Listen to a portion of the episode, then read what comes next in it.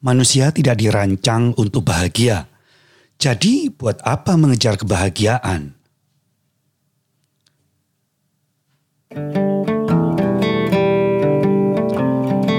Industri untuk menciptakan kebahagiaan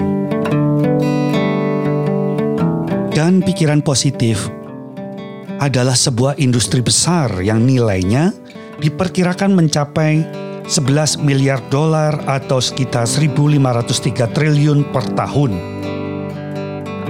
Industri ini telah membantu menciptakan hayalan bahwa kebahagiaan adalah sebuah tujuan yang dapat dicapai. Mengejar mimpi kebahagiaan adalah konsep ala Amerika Serikat yang diekspor ke seluruh dunia lewat budaya pop. Memang, hak mengejar kebahagiaan adalah salah satu hak yang tidak dapat dicabut di Amerika Serikat. Sayangnya, harapan ini tidak sesuai dengan kenyataan kehidupan. Saat ini kita berhasil memenuhi semua kebutuhan materi dan biologis pun, kebahagiaan yang lestari akan tetap menjadi tujuan yang sifatnya teori dan sulit dipahami. Abdurrahman III, Khalifah Cordoba pada abad ke-10 mengalami hal ini.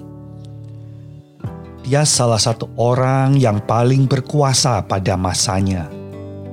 Memiliki prestasi di bidang militer dan budaya, serta dapat kesenangan duniawi dari dua harim. Namun menjelang akhir hayatnya, Abdurrahman ketiga memutuskan untuk menghitung jumlah hari ia merasa bahagia. Ia menghitung hanya ada 14 hari. Kebahagiaan menurut penyair Brasil Vincius de Moraes adalah bulu yang melayang di udara. Ia terbang cepat tapi tak lama Kebahagiaan adalah rekaan manusia, gagasan abstrak yang tidak nyata dalam pengalaman hidup manusia yang sebenarnya. Perasaan positif dan negatif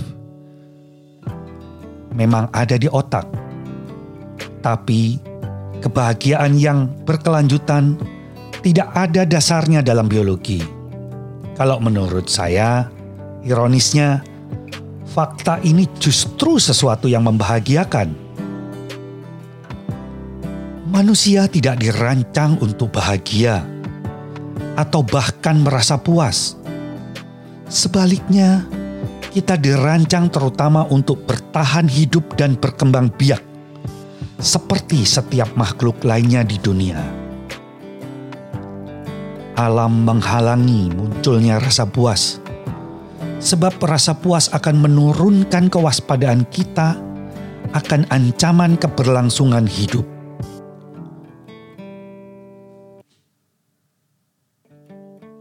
Faktanya, evolusi telah mengutamakan perkembangan lobus frontal di otak kita, yang memberi kita kemampuan memutuskan dan menganalisis yang sangat baik, dibandingkan mengembangkan kemampuan alami untuk merasa bahagia.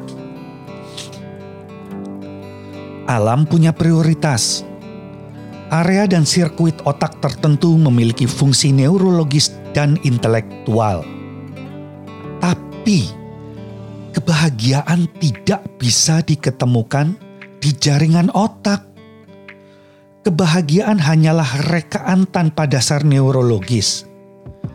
Bahkan Para ahli dalam bidang ini berpendapat ketidakmampuan alam menghilangkan depresi dalam proses evolusi karena depresi memainkan peran penting pada saat-saat sulit.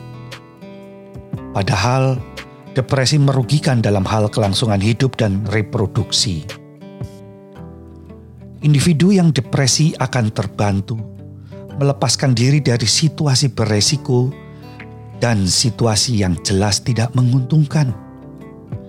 Pemikiran mendalam yang terjadi saat depresi juga membantu memecahkan masalah selama masa-masa sulit. industri global terkait kebahagiaan yang ada saat ini berakar dari hukum moralitas Kristen. Kita diberitahu bahwa ketidakbahagiaan disebabkan oleh kurangnya moral, misalnya karena kita egois dan materialistis. Kita diminta meraih keseimbangan psikologis yang baik dengan cara menolak, melepas, dan menahan hasrat Padahal cara-cara ini hanyalah mencari penawar. Kita tidak memiliki kemampuan bawaan untuk menikmati hidup terus-menerus. Melalui cara-cara ini, kita menghibur diri dengan mengatakan bahwa ketidakbahagiaan bukanlah kesalahan kita. Padahal, ketidakbahagiaan bersumber dari rancangan biologis alami kita ketidakbahagiaan ada dalam blueprint kita.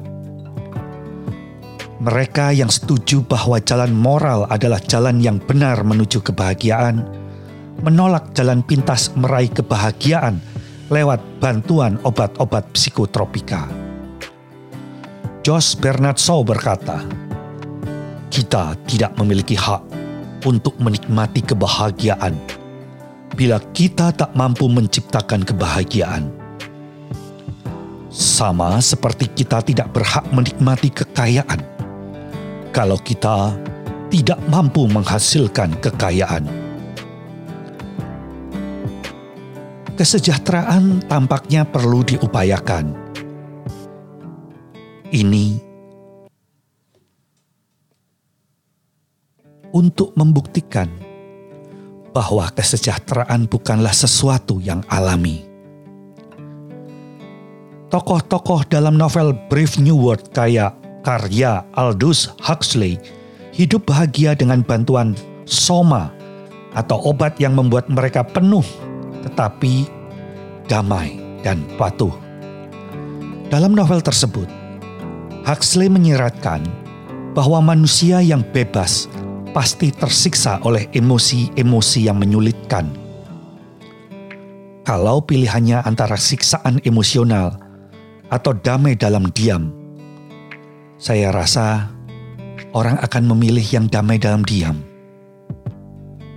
Tetapi soma tidak nyata. Jadi masalahnya bukan karena mencapai kepuasan yang menyenangkan lewat bahan kimia, itu melanggar hukum tapi karena cara itu tidak mungkin. Bahan kimia mengubah keadaan pikiran. Kadang-kadang bisa bermanfaat sih.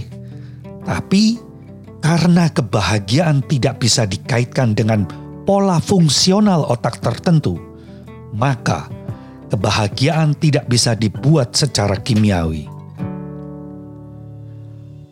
Perasaan-perasaan kita campur aduk, tidak jernih, berantakan, kusut dan terkadang bertentangan, persis seperti hidup kita. Penelitian telah menunjukkan bahwa emosi positif dan negatif relatif bisa muncul berdampingan di dalam otak. Model ini menunjukkan bahwa belahan otak sebelah kanan cenderung memproses emosi negatif, sedangkan yang kiri menangani emosi positif. Maka, patut diingat bahwa kita tidak dirancang untuk bisa bahagia terus-menerus. Sebaliknya, kita dirancang untuk bertahan hidup dan bereproduksi. Karena tugas yang sulit inilah kita ditakdirkan untuk terus berusaha dan berjuang, mencari kepuasan, keamanan, melawan ancaman, dan menghindari rasa sakit. Emosi-emosi saling bersaing dan menghadirkan kenikmatan serta kesakitan secara berdampingan. Ini model yang lebih cocok dengan kenyataan hidup kita. Kebahagiaan semu yang coba dijual oleh industri tidak pas untuk kita. Bahkan menganggap rasa sakit seberapapun kecil atau besarnya sebagai sesuatu yang abnormal atau penyakit justru akan menumbuhkan perasaan lemah dan frustasi. tidak ada yang namanya kebahagiaan. Hmm, mungkin terdengar negatif, tapi setidaknya kita tahu bahwa ketidakpuasan bukanlah karena kegagalan kita.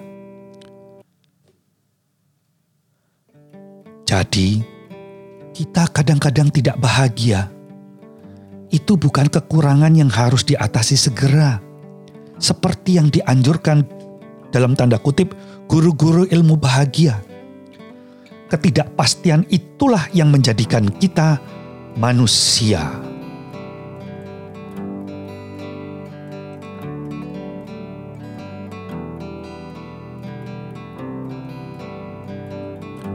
So, gimana teman-teman Rojali? Coba simak dan berikan opini kalian melalui WhatsApp, melalui email yang ada di uh, link yang ada di bio Instagram gue. Sampai di sini dulu. Selamat akhir minggu dan tetap berupaya bahagia.